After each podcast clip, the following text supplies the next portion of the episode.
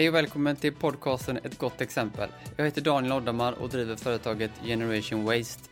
I denna podcasten intervjuar jag intressanta personer som står för goda exempel när det kommer till hållbarhet. Detta i hopp om att ni som lyssnar ska lära er något nytt och inspireras. Med mig bakom rattarna har jag Rickard Bryngelsson som då och då kommer att kasta in en fråga när hans nyfikenhet brister. Mängden matavfall som slängs i Sverige under ett år ryms i 23 000 lastbilar som ställs på rad mellan Göteborg och Södertälje. Detta är något som gästen i dagens avsnitt räknat ut för att begripliggöra en annars obegripligt stor mängd matavfall. Hon heter Kristina Liljesand och är projektledare på Chalmers industriteknik och forskare i logistik. Kristina brinner för att hjälpa företag att hitta lösningar för att minska sin miljöpåverkan. Kristina är en kunskapsbank av rang när det kommer till matsvinn och logistik och hon passar sannerligen som ett gott exempel när det kommer till hållbarhet. Så luta er framåt och spetsa öronen, för nu åker vi! Att Det kanske inte är så lätt att säga att ja, men det är butikerna som gör fel eller det är kunderna som gör fel i att de kräver för mycket. Utan det är ju säkert en kombination där att vi, vi måste jobba med beteendeförändringar. Vi måste jobba med att maten ha respekt för den maten vi har. Då välkomnar vi hit Kristina Liljestrand till podcasten Ett gott exempel. Hur är läget med dig? Hur mår du?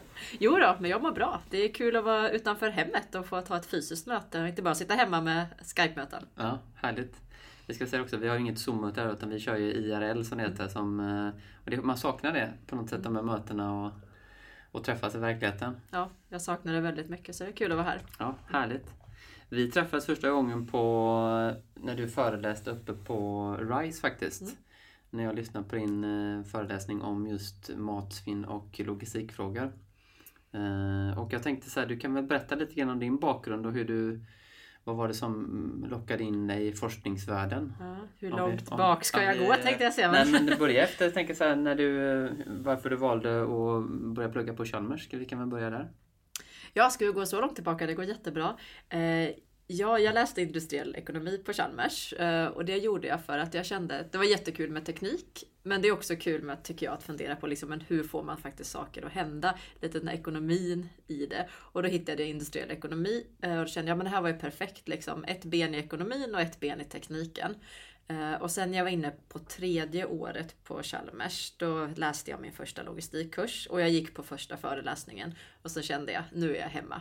Det var liksom, saker tills dess hade varit liksom intressant, men det hade inte varit wow. Men sen kom jag liksom till logistikkursen och då, ja.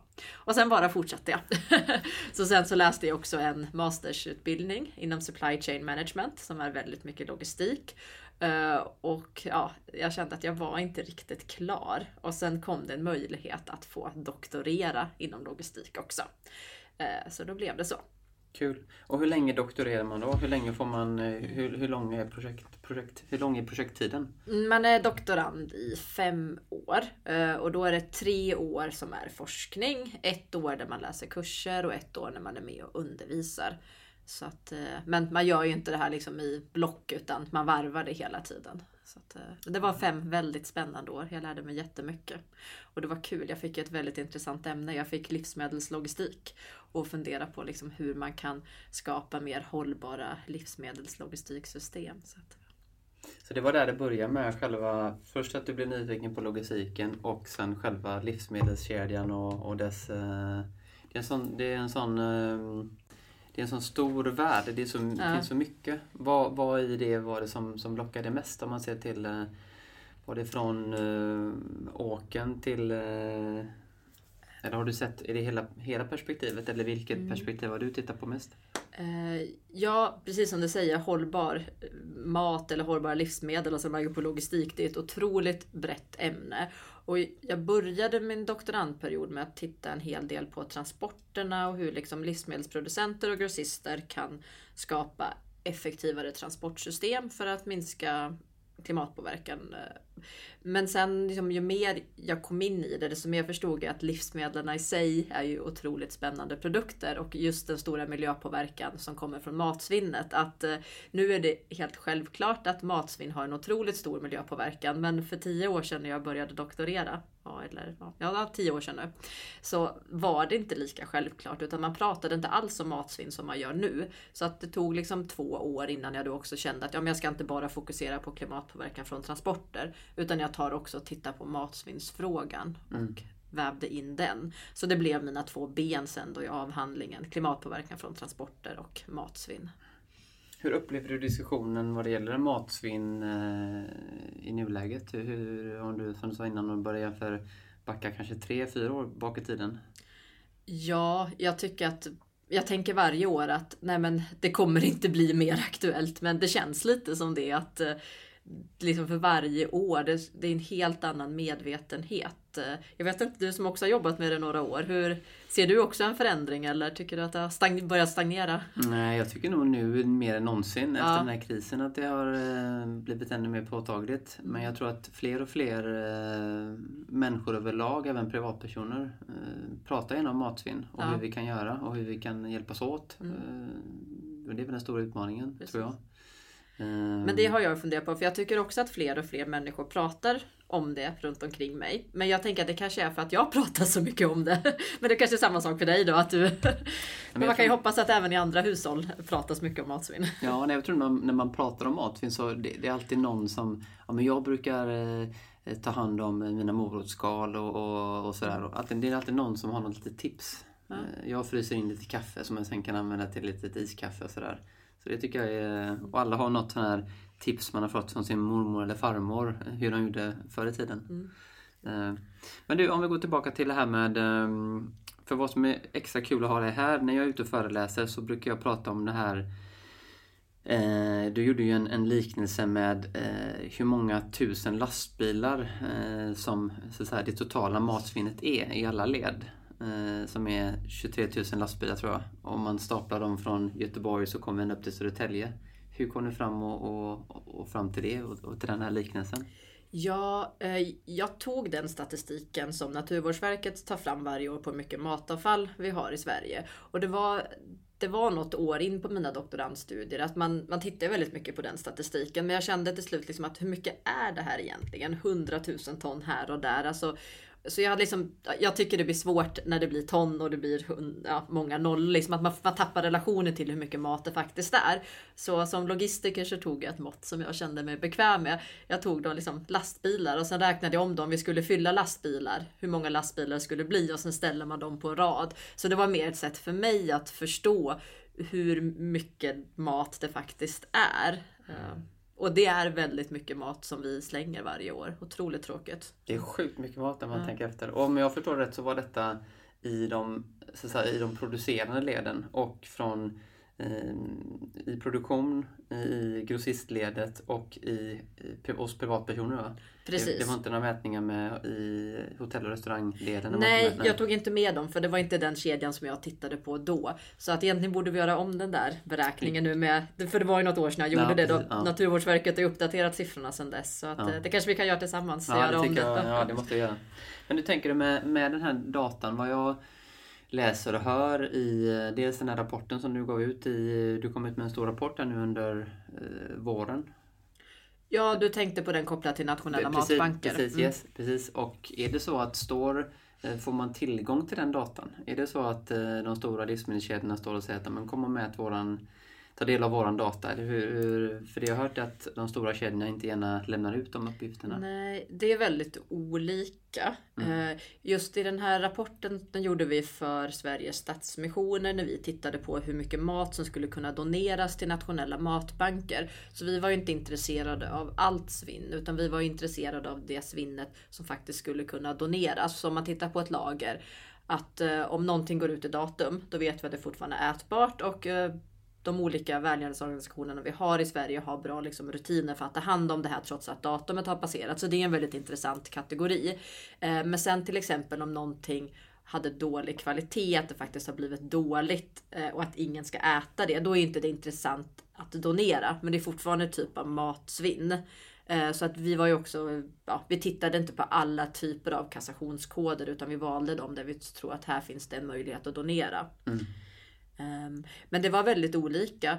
Ehm, och jag tror att eh, det tog ganska lång tid liksom att ha den här kontakten med företagen och att få datan ifrån dem. Och det tror jag beror på två saker. Det första är ju att eh, man är lite rädd att den ska hamna i fel händer. Liksom att någon eh, reporter kanske ska ta det här och säga Åh, har ni sett hur mycket matsvinn de här har? Fast det kanske egentligen inte är så mycket för att de har otroliga volymer som de producerar varje år. Och, och den rädslan kan jag förstå. Liksom, det är alltid med all typ av statistik och data. Det, som det går att förvränga och vinkla det på olika sätt. Men sen är det också det att mäta matsvinn eller matavfall som uppstår liksom hos olika företag. Det är ganska komplext. Att tar vi en producent till exempel så finns det ju matsvinn som uppstår på väldigt många olika ställen. Det handlar om att de kanske köper in råvaror. Då har man ett råvarulager. Det finns en produktion. Det finns massa färdigvarulager. Så att det är inte bara på ett ställe i ett företag som man måste ta in data utan eh, man måste jobba strukturerat med att mäta matsvinnet och följa upp det här. Och det är en ganska tidskrävande process. Mm. Eh, och där tror jag kanske inte att alla producenter och grossister i Sverige har kommit hela vägen. Så att det handlar både om en försiktighet med att dela data men också en komplexitet i att faktiskt få fram rätt siffror. Mm. Det som vi pratade om innan här, och vi kommer komma till det med ditt projekt i Svinn. Men det som är intressant är ju någonstans att se hur, mycket, hur många ton mat, eller morötter, vi kan ta morötter som exempel. Hur många ton morötter har producerats och hur många ton har verkligen hamnat i, i, våra, alltså i konsumenternas magar. Det är det som är, som är, det, som är det intressanta. Mm. Jag tänkte också att det här med, vad, vad tror du är, eh, för vi kan säga att, att, att det är man kan skylla på de stora butikerna, att det, är de, att det är deras fel att vi har så stort matsvinn. Men någonstans är det väl ändå vi konsumenter som, som, står, för, eh, som står för det här. Det är vi som styr utbudet i butikerna. För det tänker jag alltid när jag kommer in i en butik. Måste det vara så mycket grönt? Alltså måste det vara så många olika sorters äpple? Mm. Alltså måste det vara så stor massa? Eh, och det har ju lite grann den här krisen visat att eh, oj, det blir brist på toapapper och så rusar vi in i butiken så köper vi toapapper. Och det var för en och en månad sedan. Och nu mm. finns det återigen hur mycket toapapper som helst. Har vi som konsumenter lite dålig koll? Alltså lite dålig, eller är vi, vad är det vi oroar oss för som konsumenter? Och hur, hur ser du på konsumentbeteendet?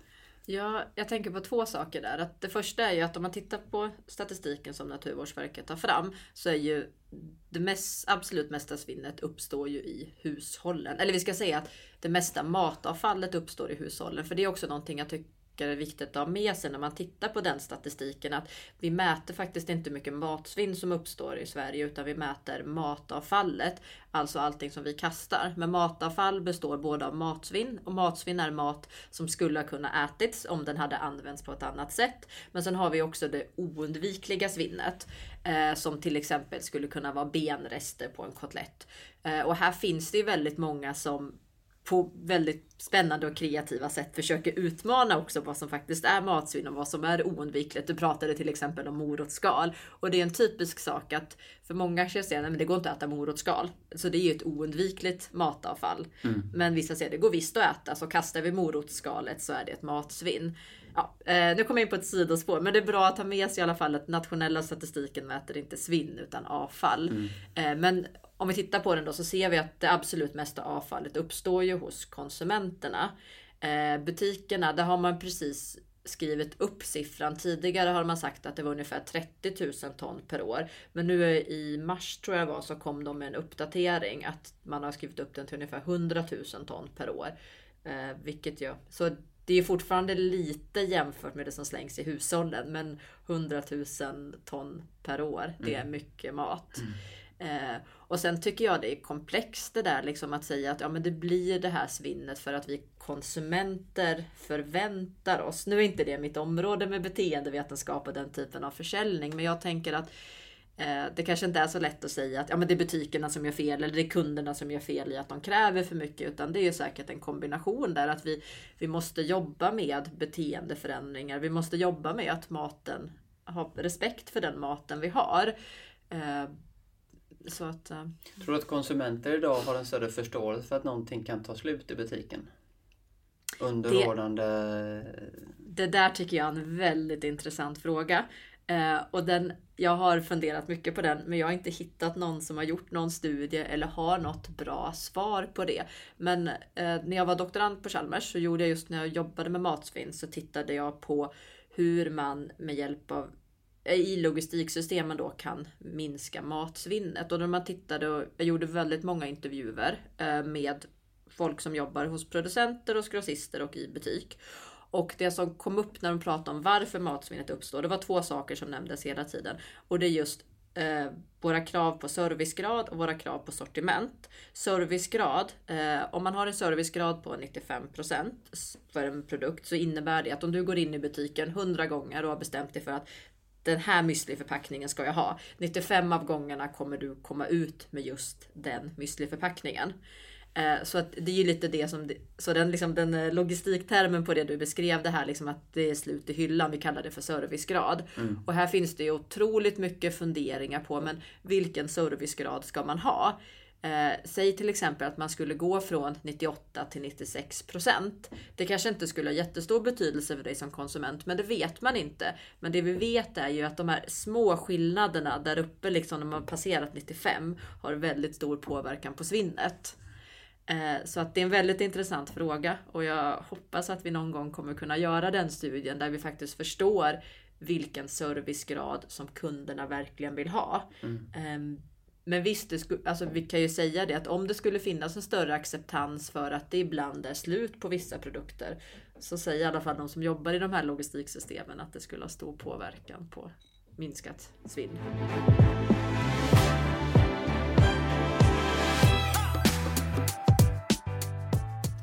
Jag tänker också så här, eh, jag pratade med en hotellägare igår som de har minskat sin, sitt, alltså sina intäkter och eh, alltså de, de genomgår en jättekris. Men han berättade för mig att med de få gästerna de hade, då gav de ut en, en liten enkät, en förfrågan. Vad vill ni äta till frukost idag? Och så kunde man då fylla i äggröra, kokt ägg eh, eller vad, nu, mm. eh, vad nu var man kunde erbjuda. Och då fick man någonstans en, en, eh, en bättre bild av vad gästerna var sugna på just den här dagen. Jag tänker, skulle man kunna göra så till, omvända det till en eh, till, en, till butiker, till livsmedels, livsmedelsbutikerna. Man skulle kunna förboka sin mat på ett annat sätt. Mm. Då slapp ju liksom butikerna stå med så mycket och så stora lager. Ja, jag tänker att det kanske är det e-handeln håller på att göra lite grann. För mm. då gör man ju precis det. Man lägger sin bokning och sen mm. vet man att ja, nej, men jag kommer inte få den om en halvtimme utan det tar några timmar eller någon dag liksom innan man har fått hem sin leverans. Mm.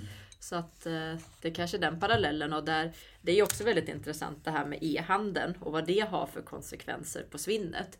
Det är ju många som vill säga att eh, med ökad e-handel så kommer vi få ett minskat svinn för att vi kommer ifrån den här problematiken med att det ska vara överfyllda butiker och allt det här. Det kanske blir färre ställen där man faktiskt lagerhåller mat. För en butik är ju också en typ av lager som vi har.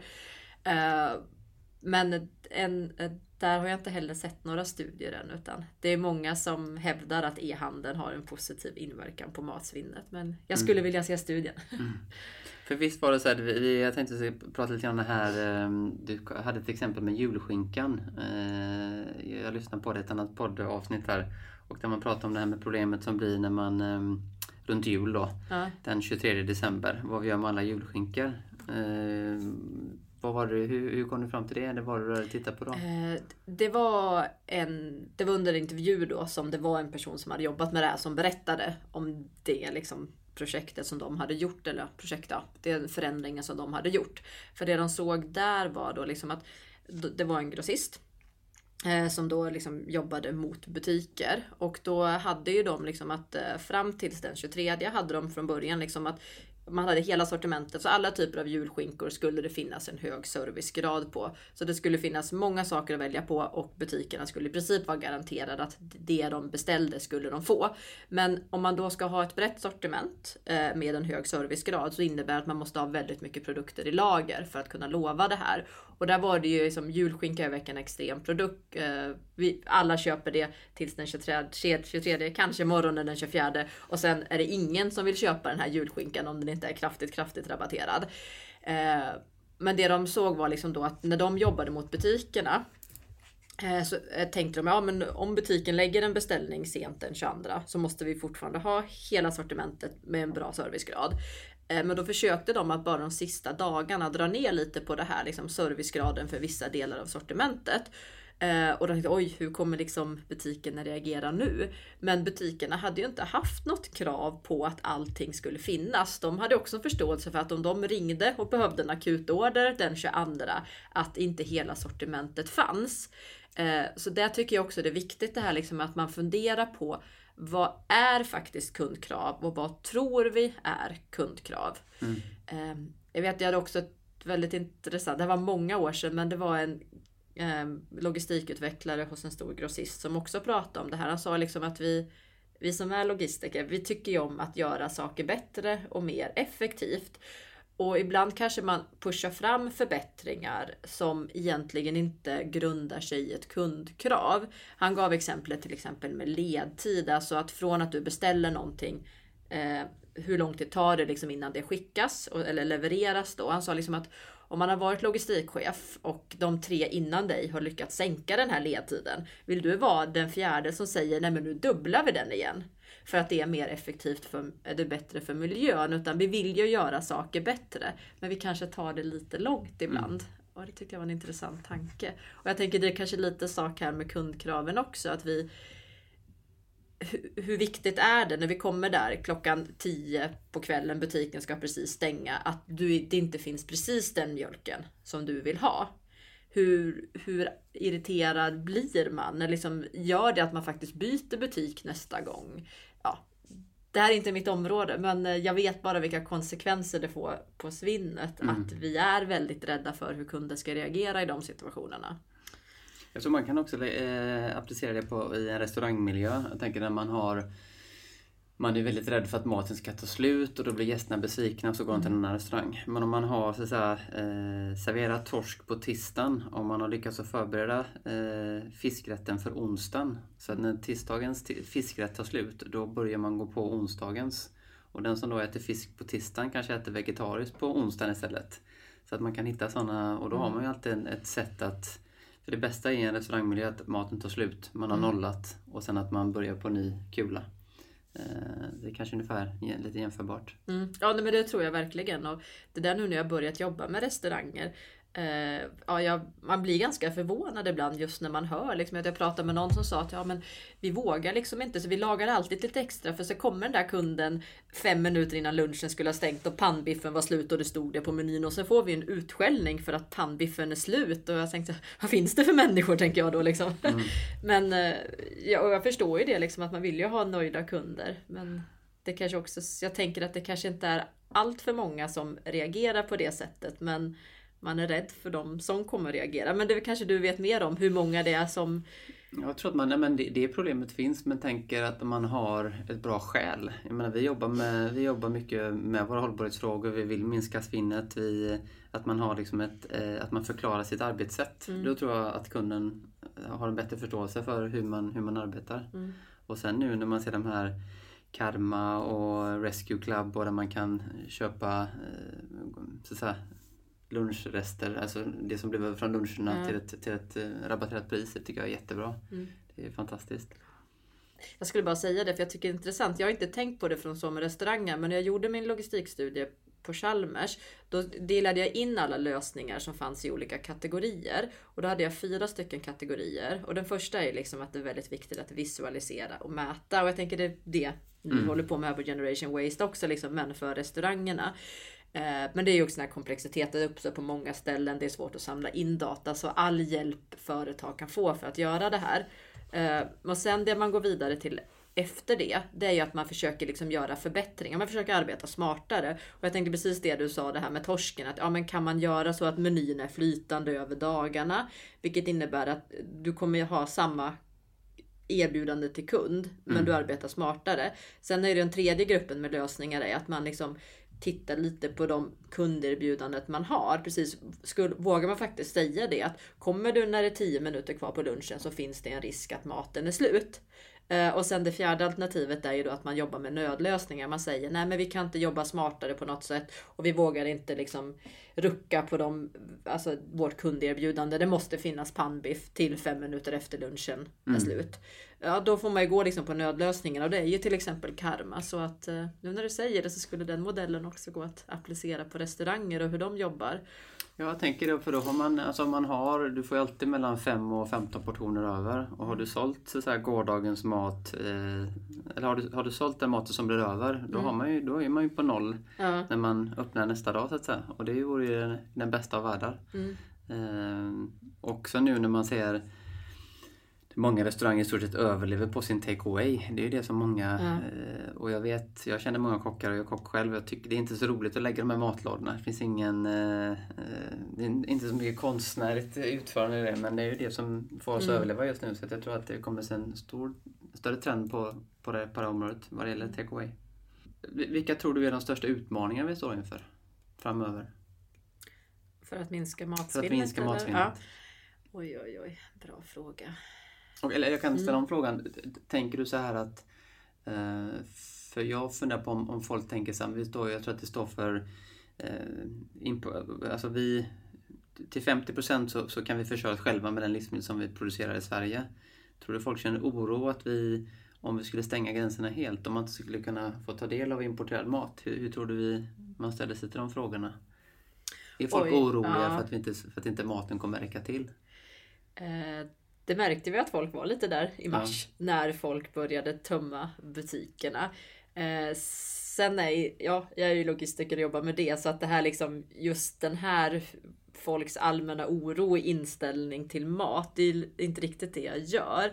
Men det som jag tycker är intressant det är just det här liksom med lokalproducerat. Det är ju väldigt många som säger och argumenterar att det har fått en helt annat fokus nu genom covid-19. Att vi liksom att vi vill vi vill främja och stötta de lokala producenter vi har. Och jag tänker det kopplar ju också till matsäkerheten. Att stänger vi gränserna så har vi kvar våra småskaliga livsmedelsproducenter. Mm.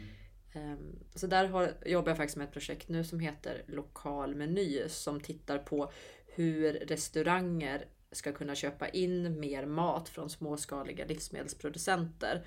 Eh, Och där håller vi på med ett test nu där vi testar en beställningsplattform och en transportbokningsplattform just för att jobba med logistiken på lite nya sätt och göra det mer digitalt.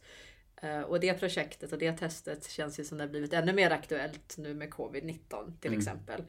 Eh, Så där tänker jag liksom att det är förhoppningsvis någonting kanske positivt som kommer ur det här. Att vi ger en skjuts till de småskaliga livsmedelsproducenterna. Eh, För det är ju fantastiskt att vi har dem och det mathantverket många av dem gör är ju så Mm. otroligt imponerande. Så att eh, ja, Mm. jag hoppas fler kommer få upp ögonen för det. Mm. Vad det finns runt omkring oss. Jag tänker också nu eh, köpte jag jordgubbar, de första svenska jordgubbarna här idag. Och är det inte så att man, man om vi alltid, alltid har tomat och gurka och isbergssallad som man vet är odlade växthus som, som tar massa energi. eh, Att, att vi kanske ska försöka att få längta lite mer efter när verkligen tomaterna kommer. Att det kan bli en... Eh, eh, nej som vi går, vi går och längtar efter jordgubbar. Mm. Och så när de väl kommer så tycker vi det är fantastiskt. Ja. Borde man kunna göra så med mer råvaror? Jag tänker med... Ja, jag tänker det är väl väldigt viktigt att vi, alltså vi äter mer efter säsong. Mm, Eh, så att det hoppas man väl verkligen att man kanske... Sen kan jag tycka att ibland kan man hårdra det lite att... Ja, det, det är ganska svårt tycker jag därför det, det är en fråga som jag ofta får från vänner och bekanta. Men du som jobbar liksom med livsmedel och hållbarhet Kristina. Vad, liksom, vad, vad ska jag göra för att äta så hållbart som möjligt? Och då försöker jag säga att man liksom, det beror ju på vilken hållbarhetsfråga det är man vill stötta ja, vill, är det jätteviktigt bara vilken typ av klimatpåverkan, att vi är så klimatneutrala som möjligt, ja då ska man äta vegansk kost. Vill man däremot stötta svensk landsbygd och att vi ska ha en biologisk mångfald, ja då kanske det är mer liksom att äta det som finns i vårt närområde. Så att eh, ehm, nu tappade jag bort vad jag skulle säga. Var var vi någonstans? Nej, vi, vi, vi diskuterade det här att man ska få längta mer efter Ja, vissa precis. råvaror. Att det Ja. kanske är det som är...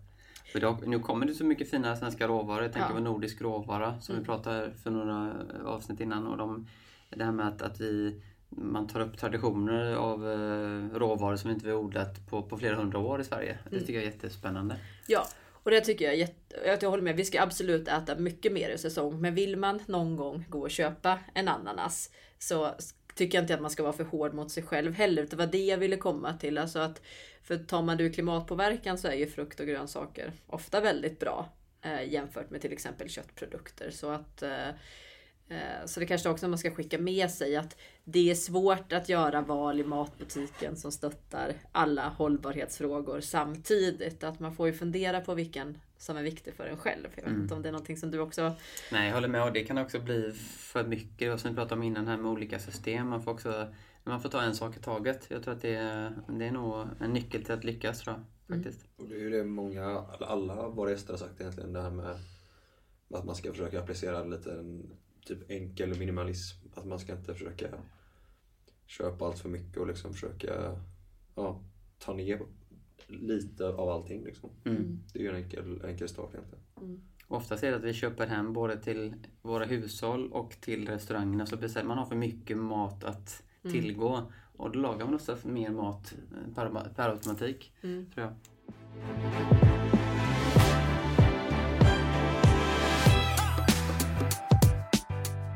Jag tänkte att vi ska prata lite om ditt projekt eh, och där jag hoppas att vi kan hitta ett gemensamt samarbete. Ditt projekt heter Resvinn. Mm. Tänkte du kunna berätta lite om, eh, om det projektet? Mm. Eh, Resvinn är ett projekt där vi vill titta på hur man kan rädda överskottsmat. Och vi pratade lite om termer tidigare då. Vi pratade matavfall, matsvinn. Överskottsmat är då en tredje term. Och det har vi definierat som mat som riskerar att bli matsvinn om man inte hanterar det på ett annat sätt för att man inte då kan sälja det i sin befintliga försäljningskanal. Så om vi tar ett exempel så är det då, om man tar en butik så är det kanske mat som håller på att gå ut i datum så att man vill inte sälja det till en vanlig kund men den är fortfarande bra. Eller en frukt som ser lite vissen ut så att det är ingen som kommer plocka det här äpplet för det har en fläck. Men eh, 95% av äpplet går ju fortfarande väldigt bra att äta. Så det är den typen av maten som vi definierar som överskottsmat. Så vi vill då titta på hur restauranger och skolor kan på ett effektivt sätt ta emot överskottsmat från butiker och grossister.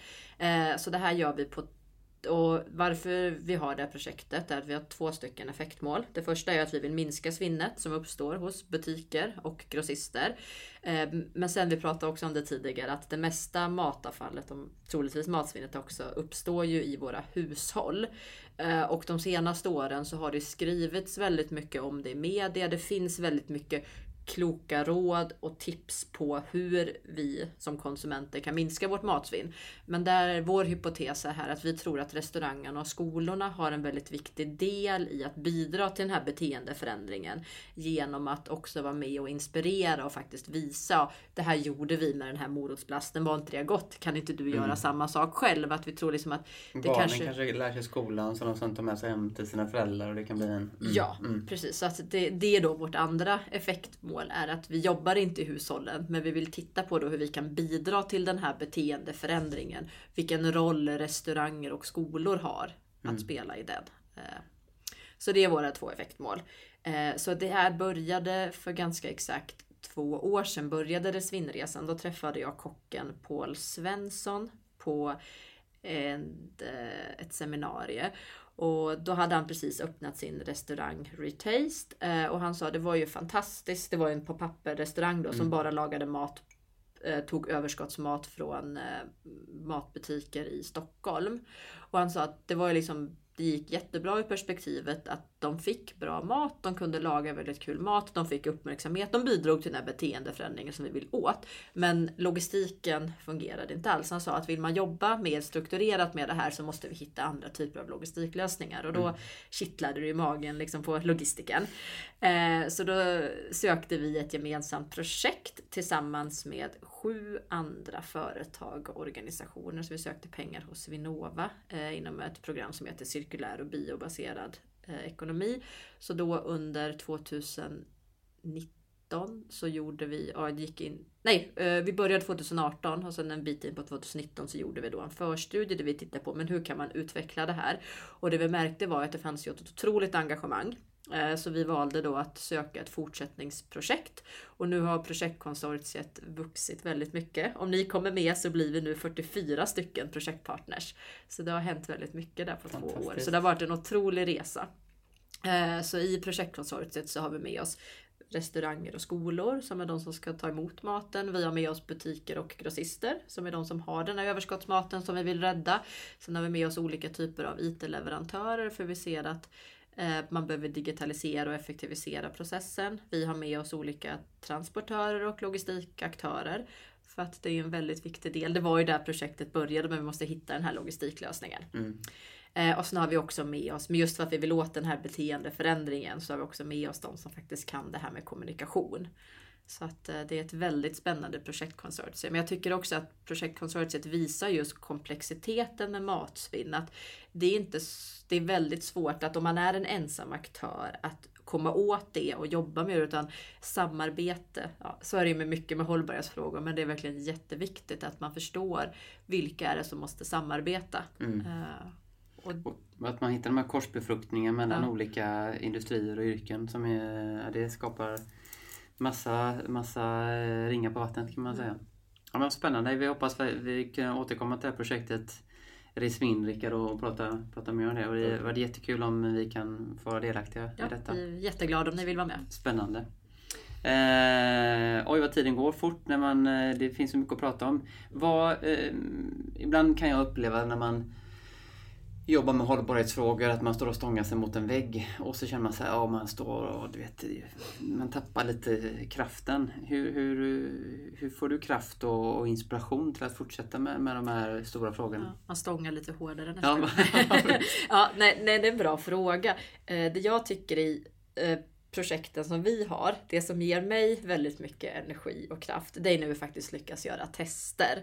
Att man ser det här att vi som i Resvin till exempel så pratar vi om det och hur ska man sköta logistiken och mycket av mitt jobb går ju ut på liksom att eh, ja, sitta och liksom arrangera olika möten och workshops, samla in information, eh, analysera den och se till att den kommer till rätt personer.